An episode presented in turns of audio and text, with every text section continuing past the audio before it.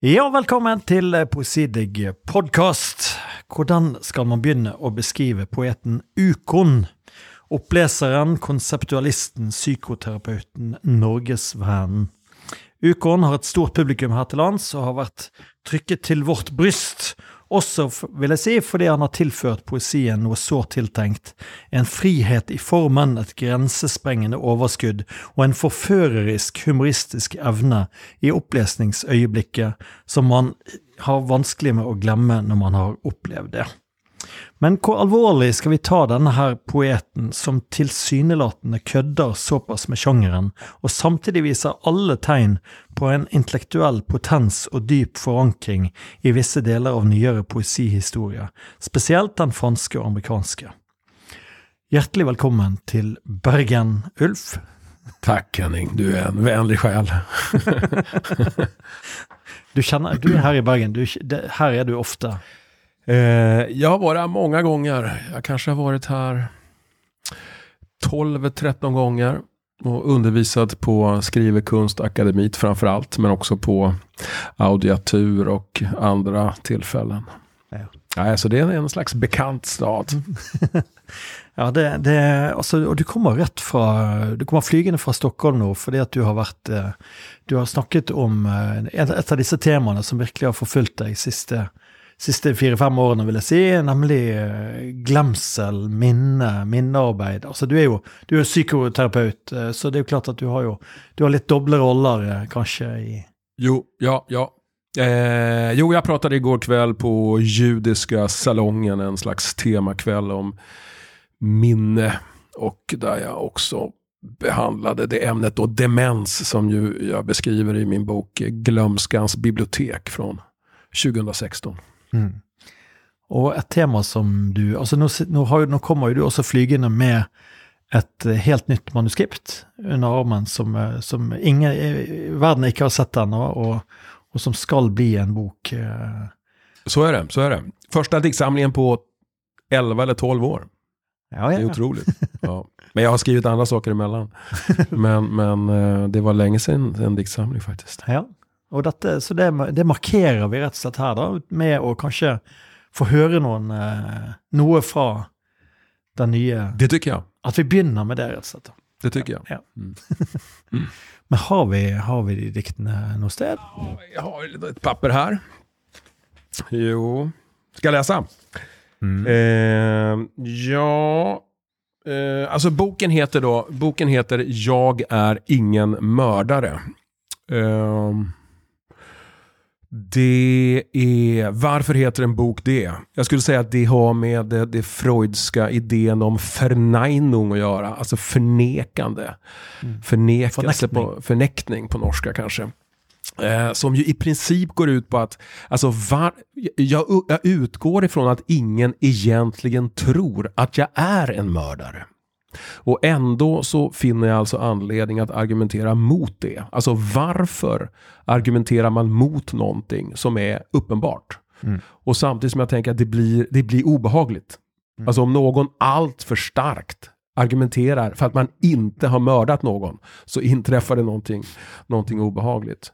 Så det, det är så på sättet... Overkompensation? Eller? Ja, det kan man säga. Ja, ja. Mm. Tänk dig du, du, går in, du går in på en restaurang och så säger, säger servitören så här. Du behöver inte vara orolig för att maten är förgiftad. Då blir man lite orolig. mm. eh, nej, men jag tänkte läsa en annan, lite mer Mm, en, en, ganska stillsam dikt här kan man väl säga. Som, som delvis är på temat eh, demens. Eh, som vi ju var inne på. Det kommer från en, en diktsvit kan man säga. Som återkommer på några ställen i den här boken. Som heter då Min förmåga att ta emot omsorg. Min evne till att ta emot omsorg. Ja, just det.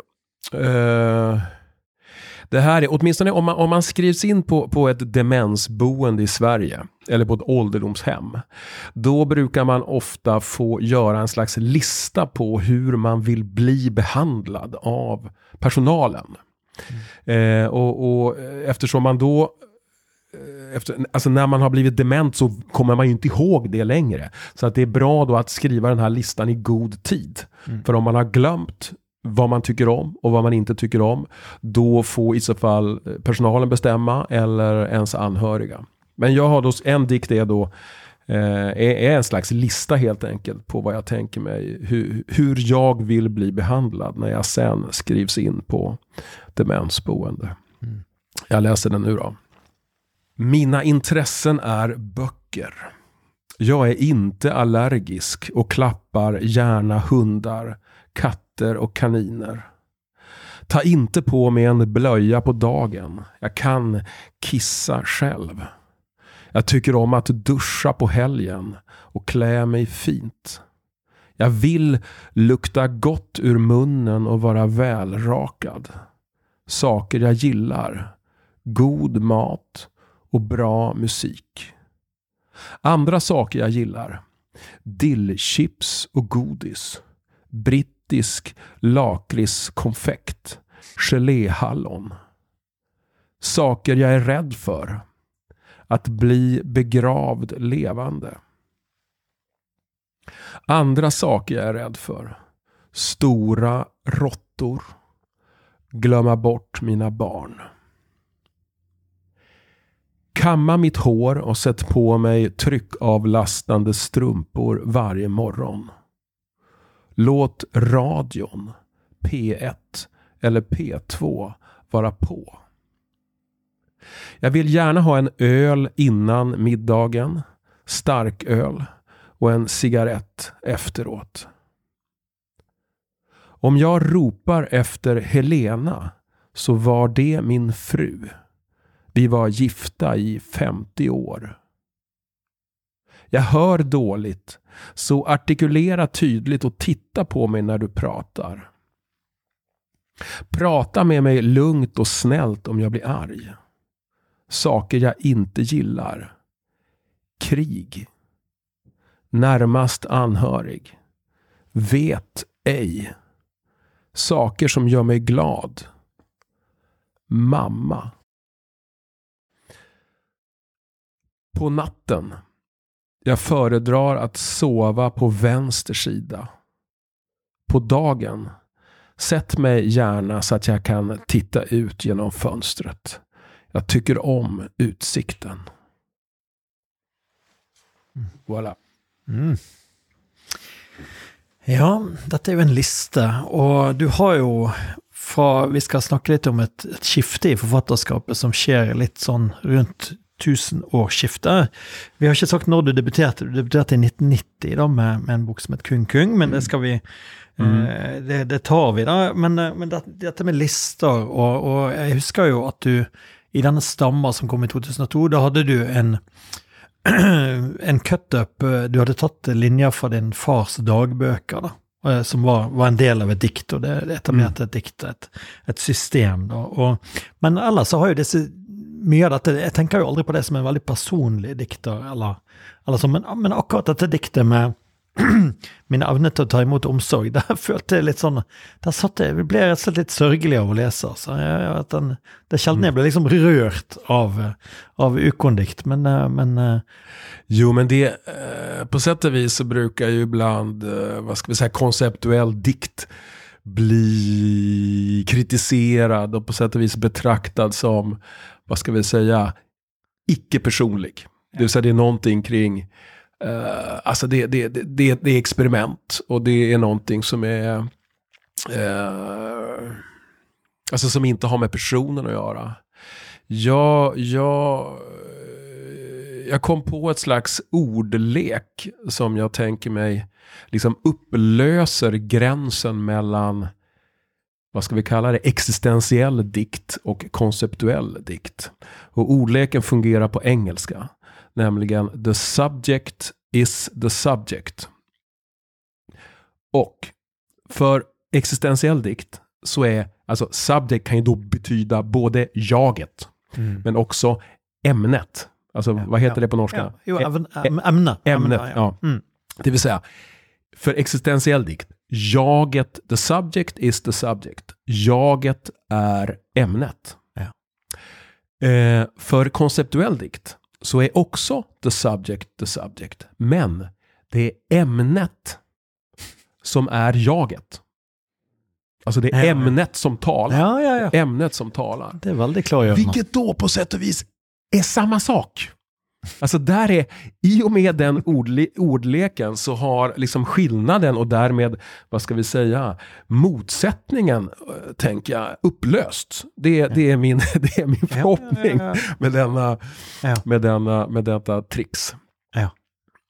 Ja, det är. Det är ju, jag menar det här, alltså till exempel då den här dikten som jag läste nu och även, även att göra ett slags förtätning eller en smältning av, av min fars dagböcker. Det är ju såklart att eh, alltså att själva utsägelsepositionen är osäkrad. Alltså vem är som talar i den här dikten? Alltså det är ju på sätt och vis jag. Mm. Men jag talar också utifrån, utifrån en framtida, mitt framtida jag. Mm. Då jag inte kommer ihåg mig själv. Och där jag, liksom får, jag får påminna mig själv om eh, att min fru hette Helena och att jag gillade geléhallon. Det, det är skräckligt. Ja, ja det är det. jo. Mm. Jo, jo. Men vad är det med, vad är det med alltså du har cirklet runt detta med, med glemsel och demens en, en stund. Och vad, vad är det, vad är det, på det, det poetiske potensialet?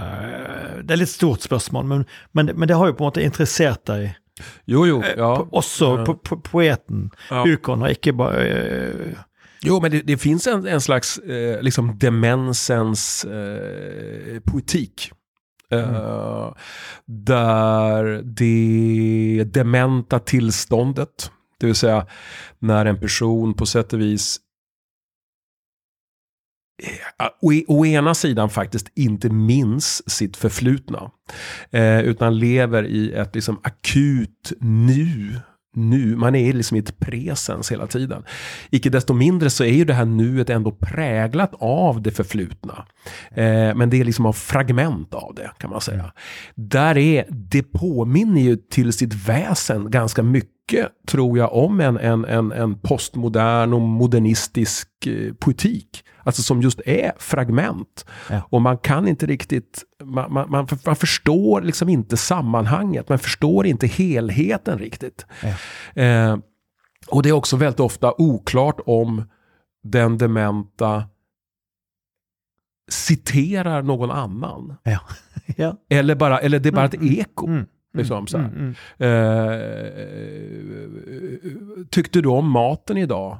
Eh, tyckte du om maten idag? Alltså, det, det kan Ja. bara vara ett eko. Och man förstår aldrig riktigt vem är det som nej. talar. Det är på det sättet som, jag menar till exempel i den här dikten som jag läste nu också. Det är ju också eh, jag menar, en anledning där den, där den på sätt och vis, alltså de, dess poetiska effekt har att göra med att det är oklart vem det är som talar.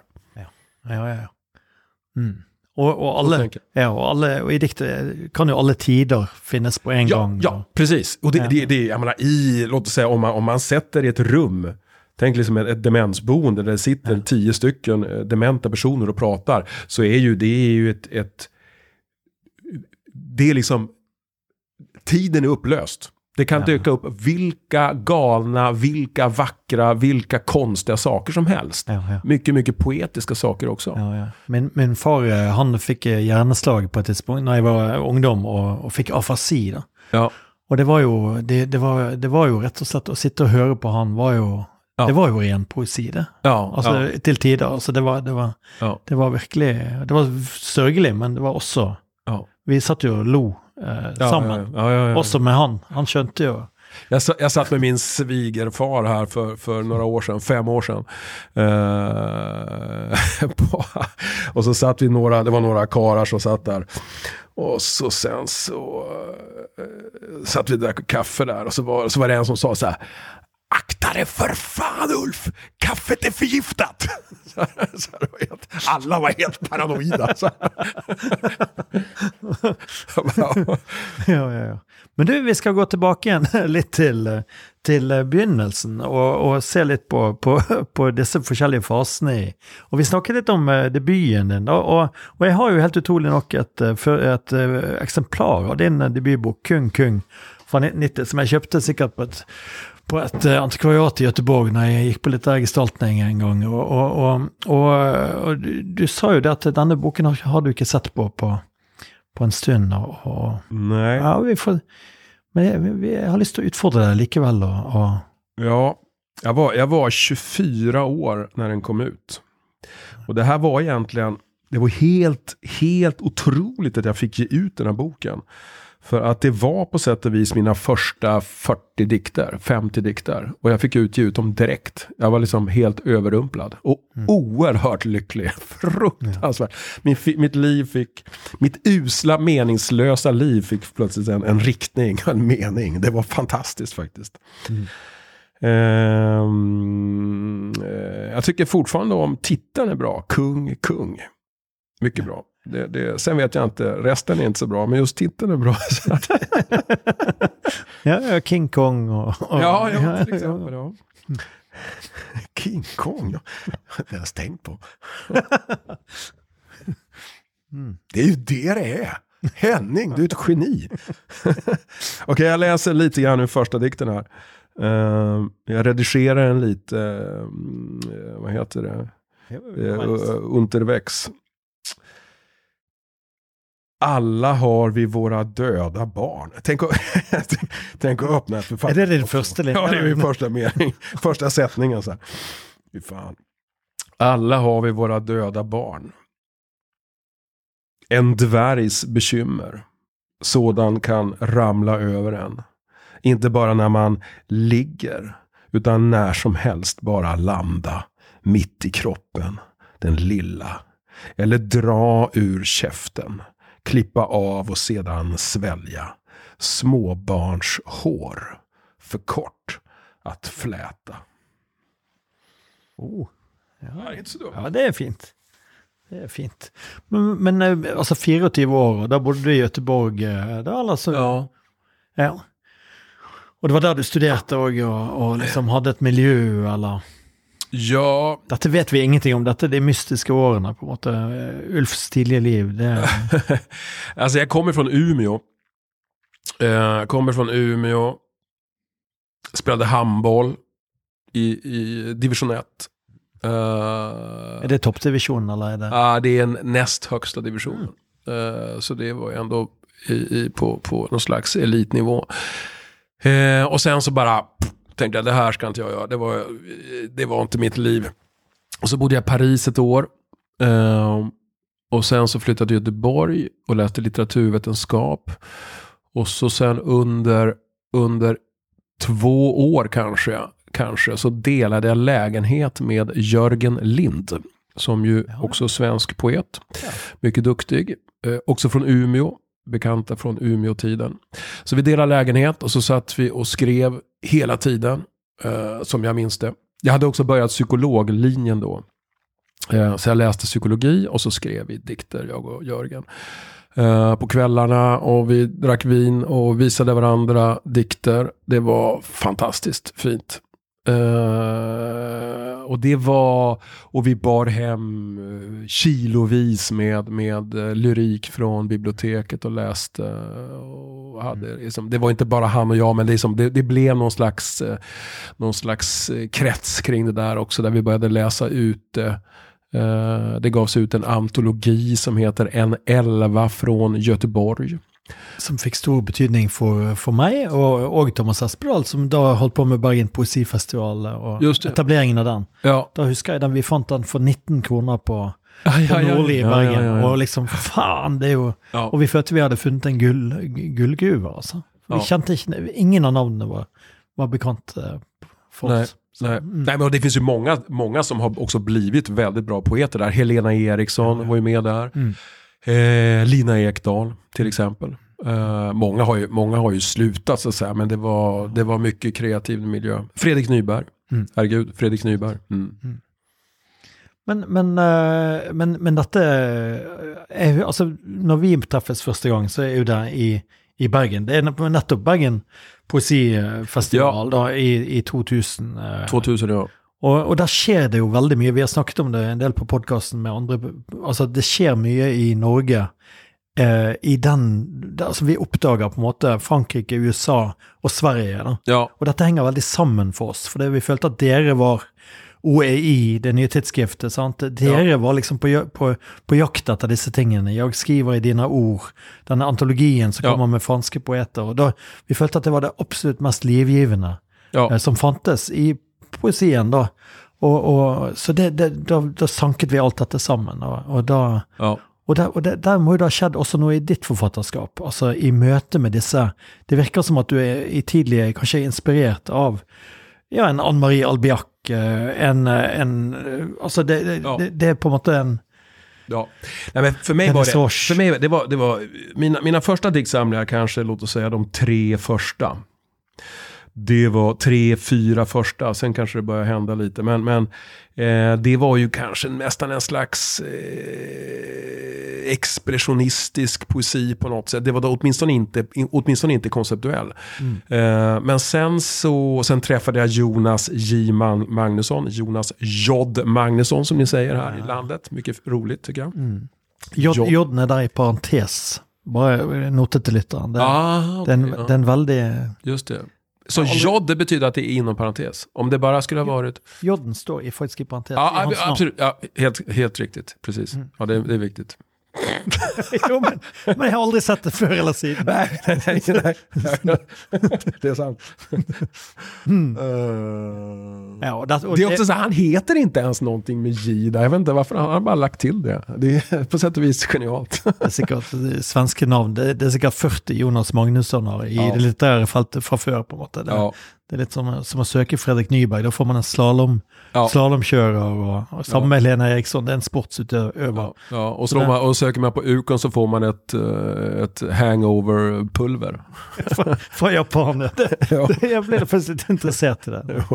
Men, Jo, nej, men det, så- det, så det, var, det var Jonas Magnusson och ja, det var ju många fler än honom naturligtvis med, med, med starten där med OI. Men Eh, tidsskriftet. rett og slett. Du er jo da med i Glenta Ja. før, som et annet eh, svensk tidsskrift. Men OEI etableres her og blir toneangivende, vil jeg si, Ja, i, i ganske lang tid i Sverige, og kanskje helt opp t- ja. til, til i dag. För, mig, för mig var det också när jag läste, jag köpte och läste Testimony av, av eh, Charles Resnikoff.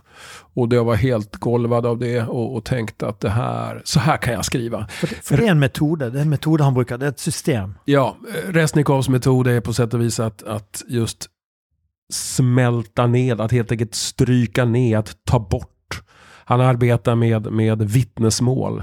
Eh, amerikanska vittnesmål från, från eh, sekelskiftet 1800-1900 och, och eh, även Nürnberg och eh, Ja, det, Eichmann-rättegångarna. det er folk som har drept noen mennesker og, og forteller om det, eller, eller de Altså vitnesmål er bare, bare Altså Ja. vitneforklaring til politiet. Just det. Ja. Just det, just det. Eh, och han tar dem och han liksom kokar ner det, tar bort allting så att bara själva händelsen är kvar. Och jag försökte då på sätt och vis använda den metoden på andra källor, till exempel min pappas dagböcker, men också Iliaden och Ja. ja. Det, det, Marquis de Sade och lite andra saker. ditt, ditt barns første ord husker jeg var et sånt dikt som var Ja, Altså, ditt barn hadde lært seg 31 ord, var det det? Og så ja, ja, det är med, det, det är... Jag satt, jag satt med anteckningsboken och skrev upp de första 32 orden som Ja. han, som han eh, lärde sig och så skrev jag en dikt utifrån dem. Det är nog världens vackraste dikt faktiskt. Tycker jag alltså. Eh, den heter Borta. Där, ja, och den består alltså av min äldste sons första 32 ord. Där hatt trycker dansar fluga. Tittar billampa blomma. Läser öga. Hund, byxa, potatis. Mage dansar. Ris spelar. Pinne sover strumpa. Gungar. Backar. Städar. Fågel badar tomat. Heja tröja. Äpple. En flott, flott avslutning. Varje dikt borde sluta med äpple egentligen. men, men, ja, nej, men, men tillbaka till, alltså det, det är ju klart att, att det är, det, du etablerat, du, du, det kommer en ny retning och du, du og du, du, er på vei der. Men jeg bare, bare, jeg bare husker de dagene der med, med Bergen Poesifest. Også for det at du var, jo, du var jo ikke bare oppleser og i egen kraft, du var jo også oversetter der på On the Fly. For, for, for eksempel Christophe ja, Tarkos. Ja. Og, og, det er jo en, og, og, det var en fransk poet, og, og jeg vet ikke altså, vi, vi, du, har du, har beskrevet dette i en bok, 'Glømskans' ja. eh, bibliotek. Då. Så jag vet inte om, om det är värt att nämna, men, det var, men jag vet att han var också en av de som var, var inspiratorer. Verkligen. Så kanske det är... Verkligen. Det, det, det, är också, det är också den historien som var otroligt rörande. Eh, han, han, gick ju bort, han dog ju i, i hjärntumör. Ja. ja, något år efteråt. Och eh, han var ju opererad då. Och apropå, just apropå glömska kan man säga. Där jag gick fram till honom och sa det är jag som har översatt dikterna till svenska. Jag kommer att läsa efter dig. Eh, och jag föreslår att vi läser den här dikten. Och så sa jag då titeln på franska. Mm. Och han tittade på mig och sa, ja bra. Och så den här dikten, ja bra. Och sen så tittade jag på honom och så såg jag att han kom inte ihåg vad jag sagt. Ingenting. Så jag presenterade mig igen. Mm. Och så, je m'appelle Ulf. je vais lire les poèmes. och jag sa samma, samma sak. Jag ska läsa den dikten och den dikten och den dikten. Mm. Och han kände igen de dikterna då också. Men det var ju, det var ju en fantastiskt sorglig läsning. Ja. Där han, alltså som jag minns det att han, han höll upp eh, en teckning liksom, ja. på, på till exempel ett moln. Och så sa han... Ja, en sky alltså. Ja, en sky, precis. Och så sa han nuage. Ja, en sky. Ja. Och det var allt. Ja. Så han gick tillbaka till en, en direkt eh, ja. benämning, rätt och slett, ja. av tingen. En annan liksom, arbre, träd. Det var allt. Och sen bild på ett träd. Fantastisk dikt. Det är en slags kärna i... Ja. Nej, det, det, jag huskar väldigt gott. Han hade med sig sin kone som fullförde hans sättningar. Ja, ja, precis. Han var som så, så svag. Ja, ja, ja. Han har också sagt eh, bara sånn skillnaden mellan poeten och den, den eh, vansinnige är att poeten kan avsluta sina dikter. Som mm. jag syns är en ganska, som en fin liten sån one-liner för, för Tarkos. Ja, ja. Eh, men, men, det är ju en eh, jag tänker, alltså du har ju, I mellomtiden så tar du opp en psykoterapipraksis også. Og, og i, altså den, du är ju översatt i ett volym av, eh, av Monica Aasbong, som har, som har oversatt det i 2018 eller något sånt. 2019.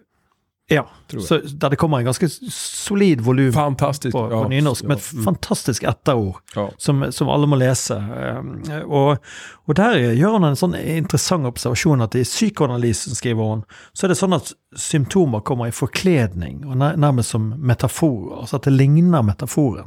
Alltså när man ska, när man ska tolka och finna symptomer hos en patient så, så kommer det alltid förklädd, eller det kommer under ett språk som är bildespråk eller, eller språk som er, som er forkledd. Og, og, at, eh, mm.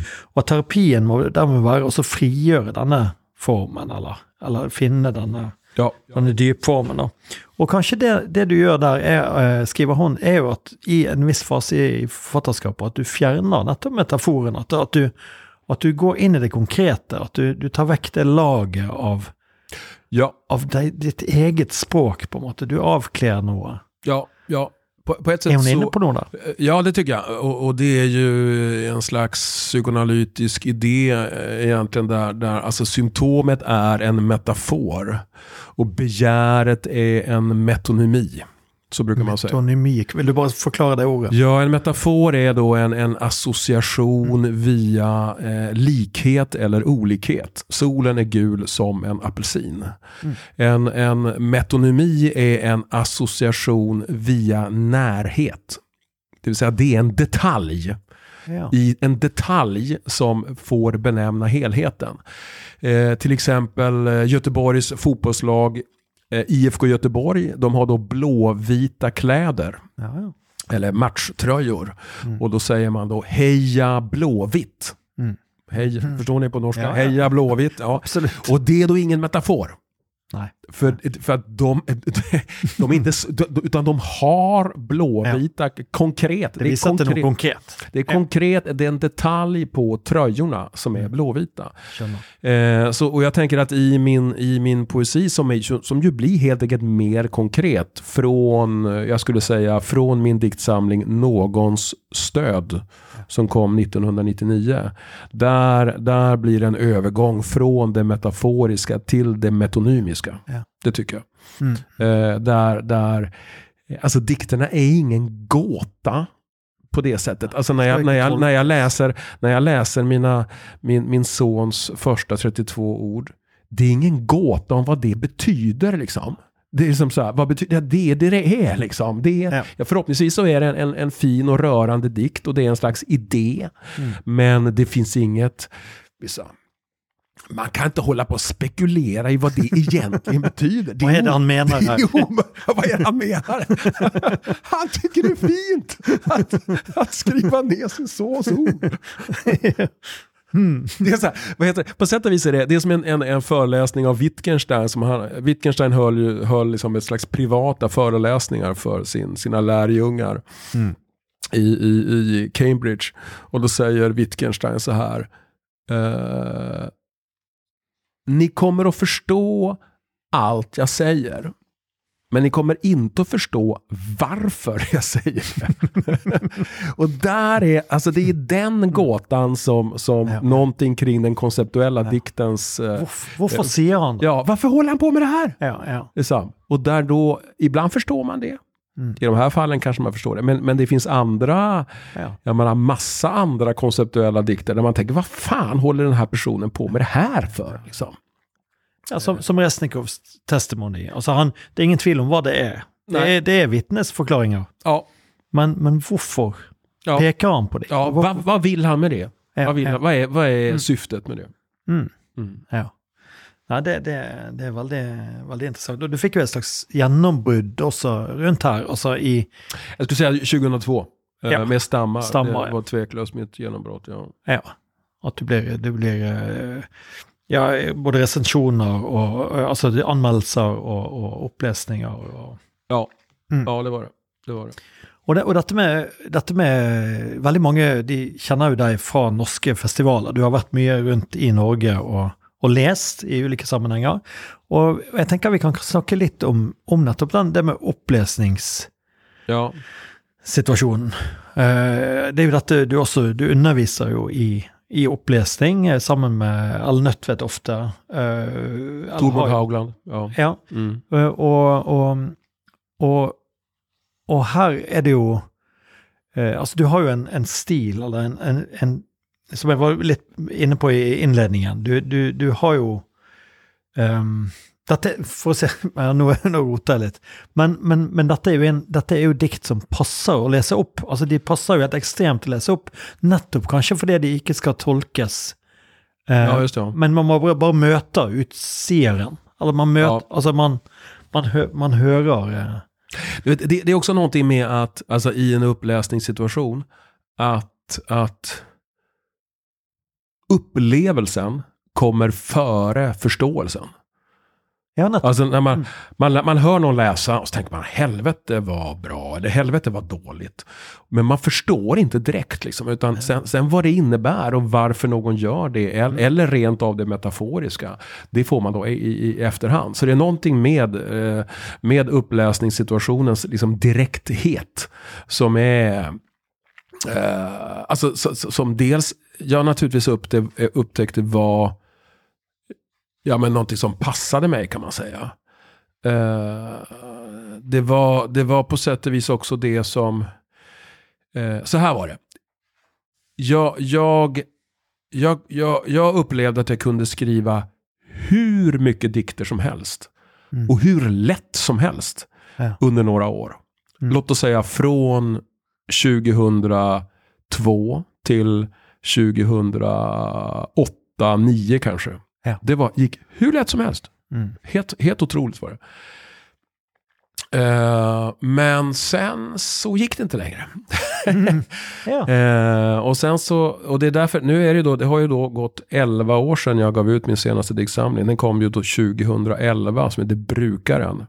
Ja. Eh, och jag tror på sätt och vis, en, en anledning till att det var det, det var att jag, jag började läsa dikter med, med eh, gruppen Njurmännen.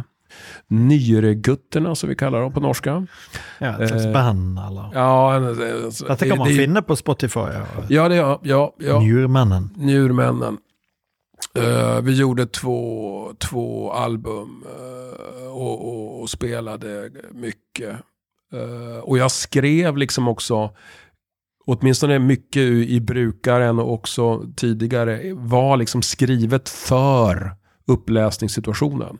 Ja. Eh, ja, det tänkte jag spørre deg om nettopp. Ja, Ja, det, Uh, men sen var det som om, jag vet inte vad det var, det var som det, det, det på sätt och vis. Det var som det, det, det, det. Jag hade också, jag ska inte säga att det tog slut, det kanske inte, men det var också ganska besvärligt. Jag höll på, på liksom bli alkoholist, på så jag vet inte.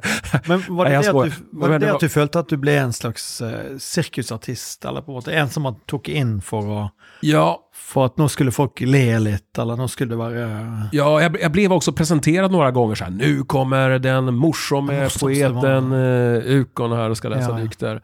Det är ingen bra, det är ingen bra utgångspunkt. Alltså jag har ingenting emot att vara uh, morsom, rolig liksom. Mm. Men, men det här är dikt liksom. Och det kan inte vara Utgångspunkten kan inte vara att man ska vara rolig. Nej. Utan utgångspunkten är att det är poesi. Ja, ja. Och sen så kan då det andra Ja. eh, vara ett slags mervärde. Du ble kalt eh, Karina Bedder i Morgenbladet kalte deg Norges morsomste poet. Ja, Det, det vanskelig å, vanskelig å leve med den. Det är därför det, då, då måste man sluta skriva dikter i Men- tio år. Men kanskje bare, bare sånn at folk skjønner hvordan eh, Altså, du har, du har snakket litt på forhånd om, om at det er jo vanskelig å komme opp i den intensiteten du ofte trenger når du leser den type eh, Altså, du har jo noen dikt som du virkelig trenger å, å, Ja. å, å skrike ut, nærmest. Altså, altså, Ja. du trenger mye energi på det. Ja. Men, men det er, kanskje det er ett dikt fra brukeren som, eh, som går an. Altså dette eh, eh, Frykten for å bli levende begravd. Ja, just det. Ja. at det kunne vært et slags Bare for at, at Ja. folk får høre et eksempel på den type dikt som du brukte å lese opp i den perioden. Ja, ja, det ska jag göra. Jag ska också säga så här, för det var, det var ett tillfälle, och jag kommer fortfarande ihåg, det var på, på eh, en, en, en eh, vad kan det heta, Stadsteatern i Malmö, låt oss säga 2002, kanske, 2003. Då så stod jag och läste dikter, och så plötsligt började jag skrika. Och jag hade inte planerat det på något sätt. Jag bara började skrika, och så tänkte jag, det här är ju helt jävla fantastiskt. det här kan jag göra. Ja. Och sen gjorde jag det i, i, i några år, kan man säga. Eh, men det var, men sen, eh, och det gör jag på sätt och vis fortfarande ibland, men man kan inte göra det hela tiden. Mm. Nej, men det här är då en dikt som, som eh, ju går att läsa med den typen av, av intensitet. Men jag hoppas också att den går att läsa i ett mer lugnare sammanhang som det här. Den heter då Levande begravd. Mitt liv var bra, men allt förstördes när jag blev levande begravd. Jag steg upp varje morgon, åt frukost och borstade tänderna. Men sedan blev jag levande begravd. Jag tog bussen till och från jobbet. Men sedan blev jag levande begravd. Jag spelade pingis och fotboll. Jag cyklade, läste böcker och solade mig på somrarna. Jag städade, lagade mat. Jag sov gott på nätterna. Men sedan blev jag ändå levande begravd. Mitt liv var på det hela taget bra. Det var praktiskt. Jag slapp svält och fattigdom.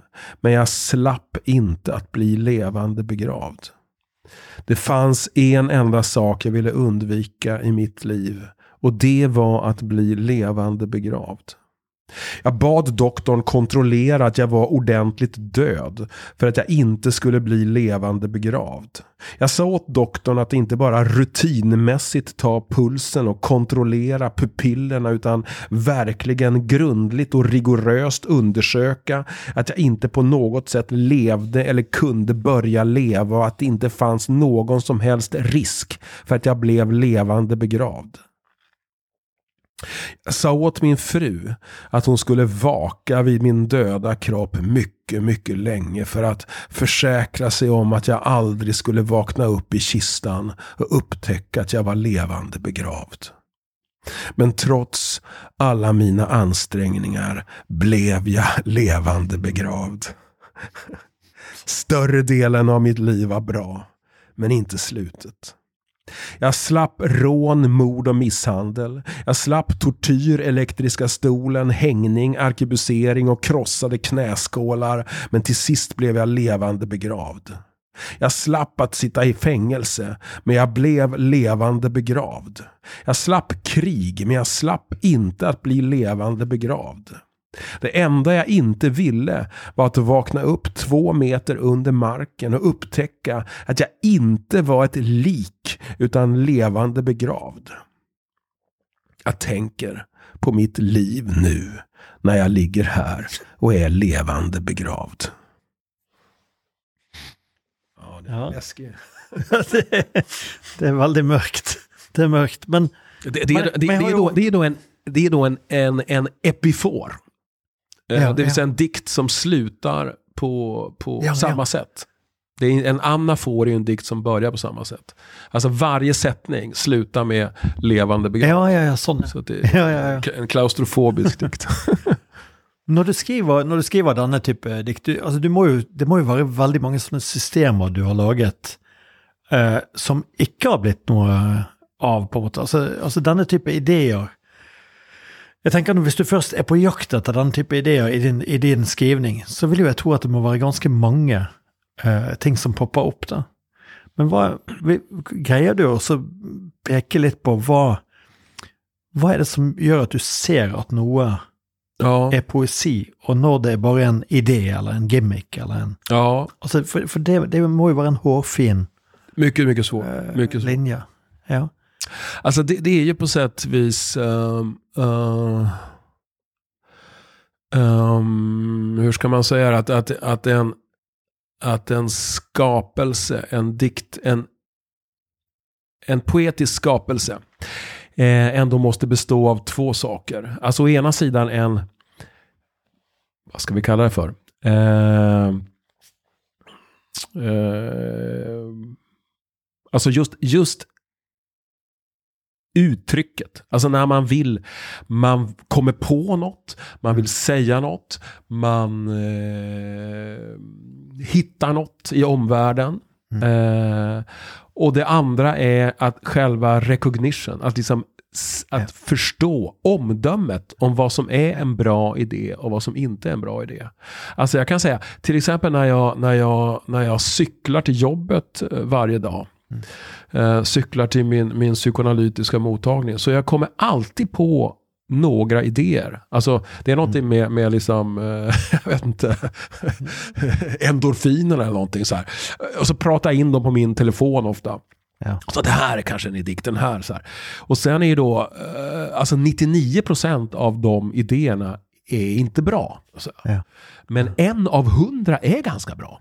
Ja. Och där är ju, alltså att göra sig det omdömet och kunna plocka ut, att liksom hitta det i mm. omvärlden eller det hos sig själv som har en poetisk potential. Ja. Det är fan det som är, eh, det är det som ja. är det svåra nu för tiden. Ja. Alltså jag såg nu på flygplatsen, mm. eh, när, jag, när jag flög från Stockholm, så såg jag så här, eh, stod det på, då stod det så här, Tänk på miljön och skriv inte ut ditt boardingkort.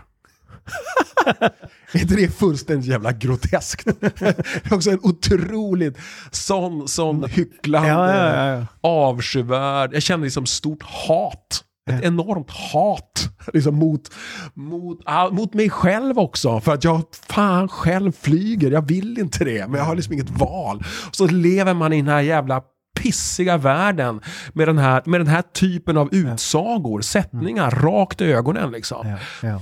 Eh, ikke, ikke bruk håndkle to gånger på hotell, eller? Ja, ja precis. Det, det, och det, det, liksom, sån så, ja, den, den, här, den här jävla världen kommer att gå åt helvete, är det det man, Om det här är poängen. Liksom.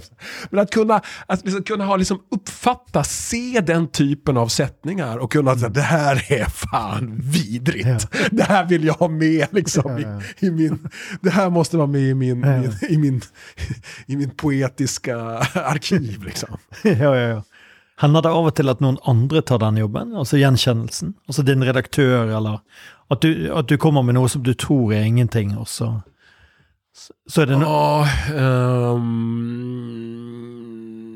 Ja. Jeg er ofte sånn, nemlig, at, at, at ting som jeg eh, nedvurderer kraftig selv, og så, ja. så, Oi! Så viser det seg at uh, Ja, just det. Just det, just det.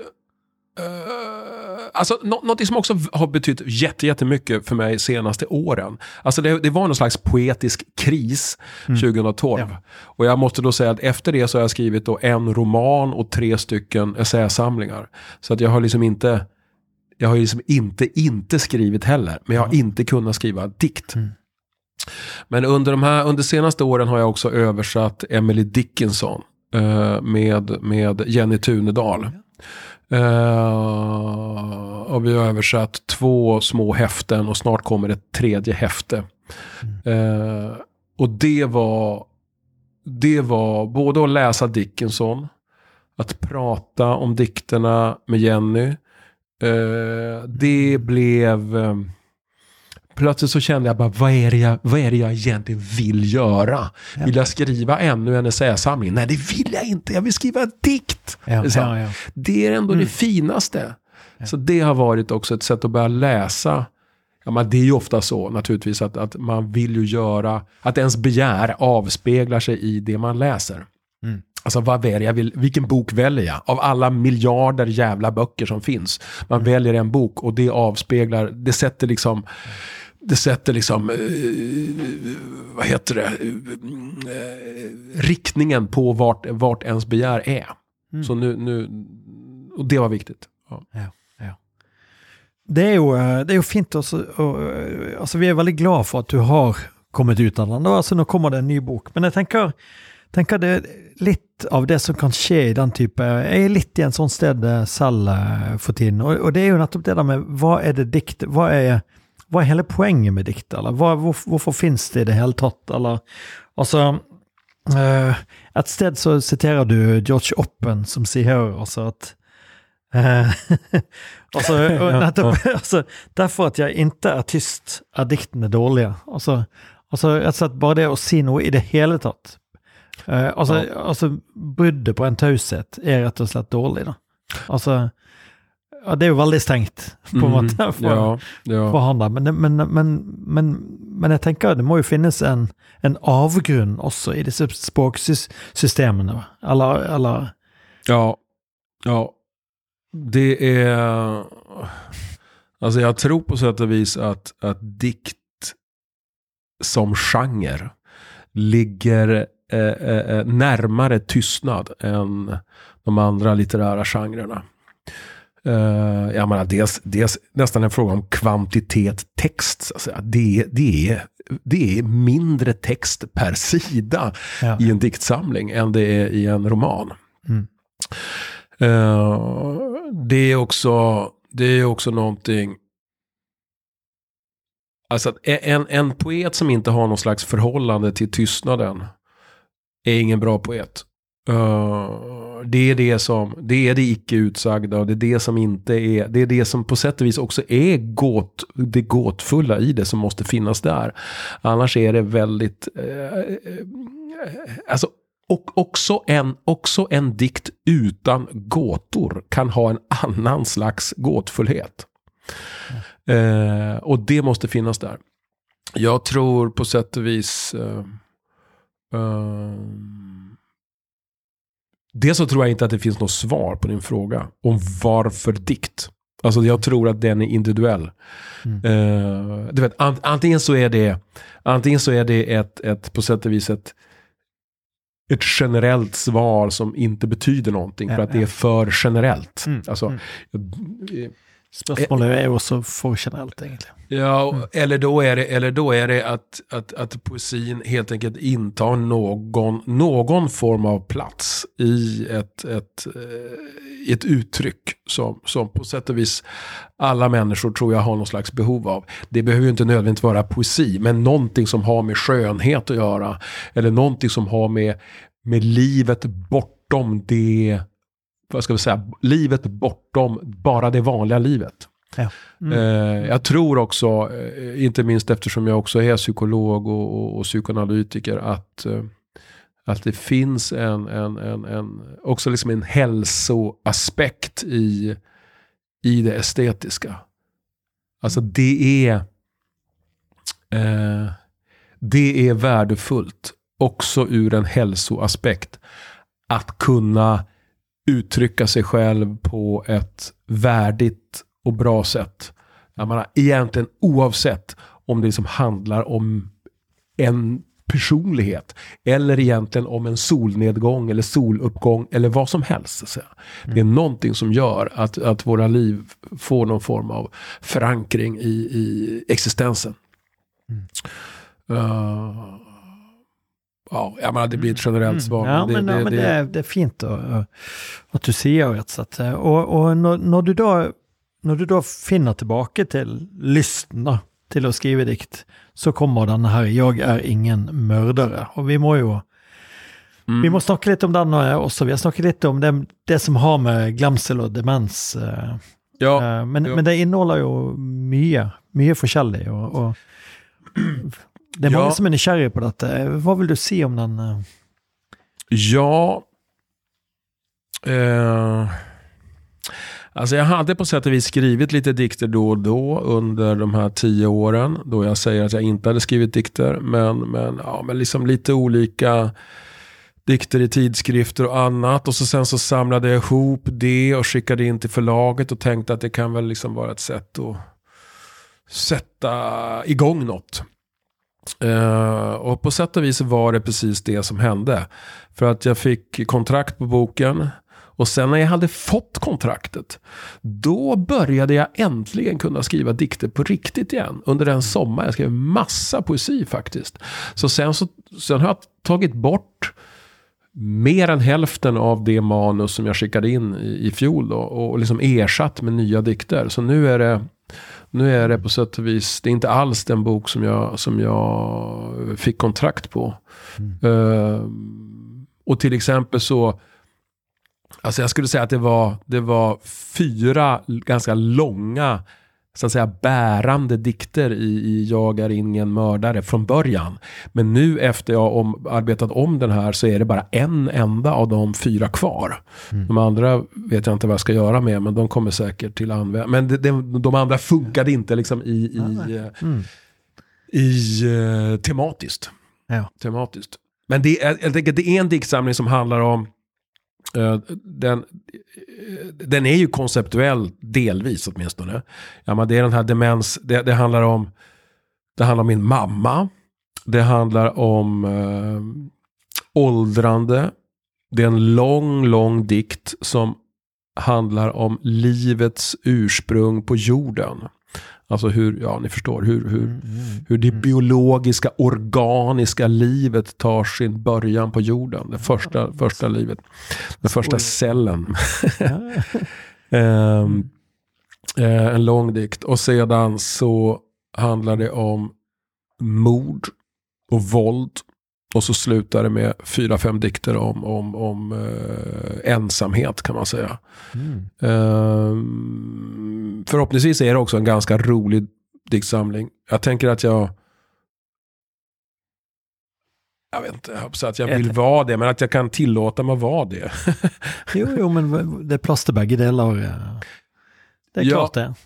Alltså, jag tänker att en ideal, en ideal, eh, vad ska vi säga, en ideal båge Har ni det ordet på Ja, norska? ja, ja. Båge. En Mm. ideal Ja. båge på en av mina dikter skulle vara följande. Att det börjar med en ganska eh, drastisk eh, sättning.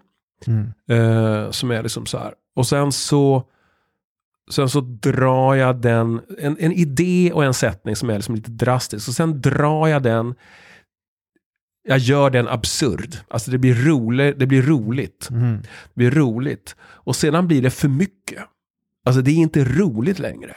Liksom det, Ja, ja. Man tar idén för långt. Så att det, det, det övergår i något som är tragiskt. Mm. Och sen slutar det i misär. Det är också en komedie, alltså, nej, trage- en tragedie rätt då. Ja, Alltså ja, tragediens form. Ja. Börjar bra och så går det då. Ja, just det.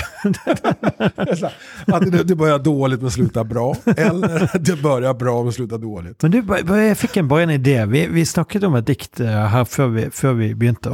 Og det var, det var disse diktene som går Du har noen dikt som går på rett og slett til, tilbakemeldings... Um, altså kunde Hva blir det på norsk, da? Altså um, kundetilbakemeldinger på, på nettet.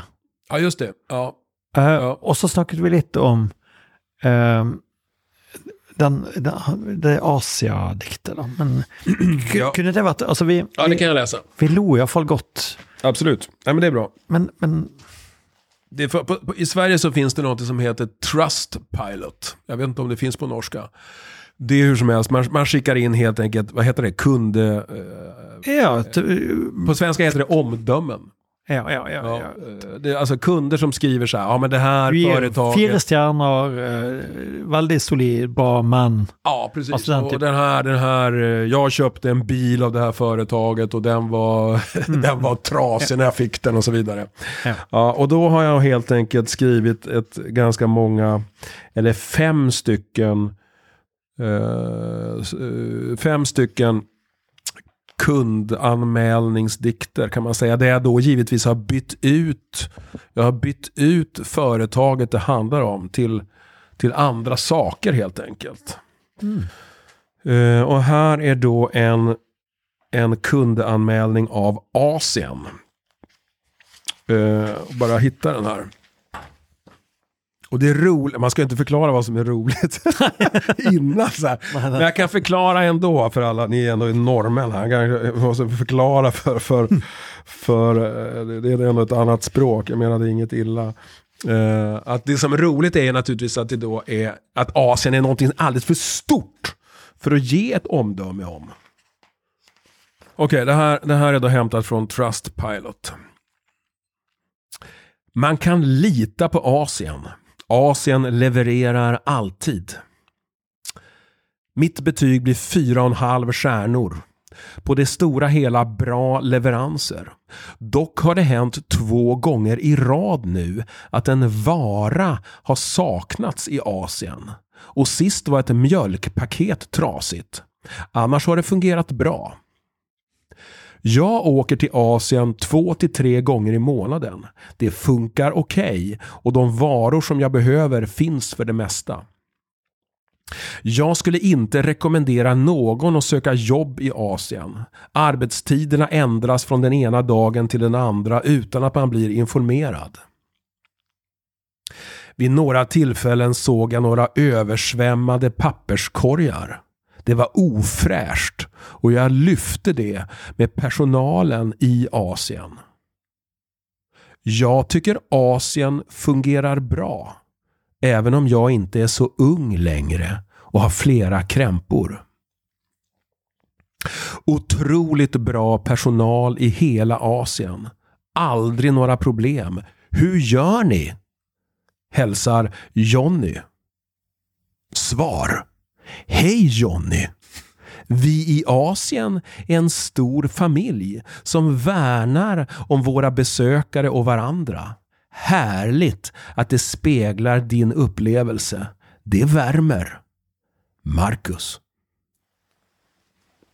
Tusen, tusen tack eh, Ulf. Och eh, tack för att du tog turen eh, inom innom eh, Studio och, og lykke til på Skrivekunstakademiet, der du skal altså undervise litt, litt om, om stemmen og, og opplesningssituasjonen.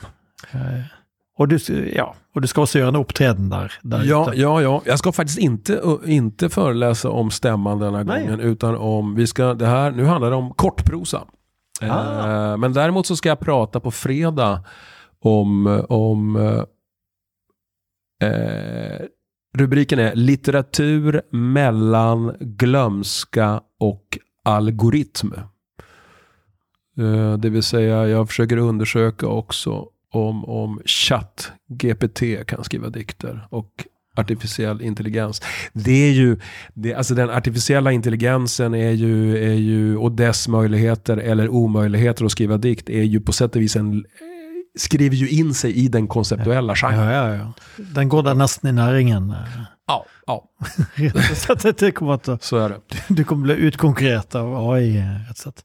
Ja, Mm. nej, nej, men, eh, det, nej, men det har varit eh, helt supert. Vi tackar eh, Bergen kommune og Norsk kulturråd som har eh, støttet, og, og det er bare å gå tilbake i arkivet og høre på flere sendinger. Og takk til Bergen Lydstudio som har og tatt opp lyd. Og ha en god dag vidare, Ulf. Tackar.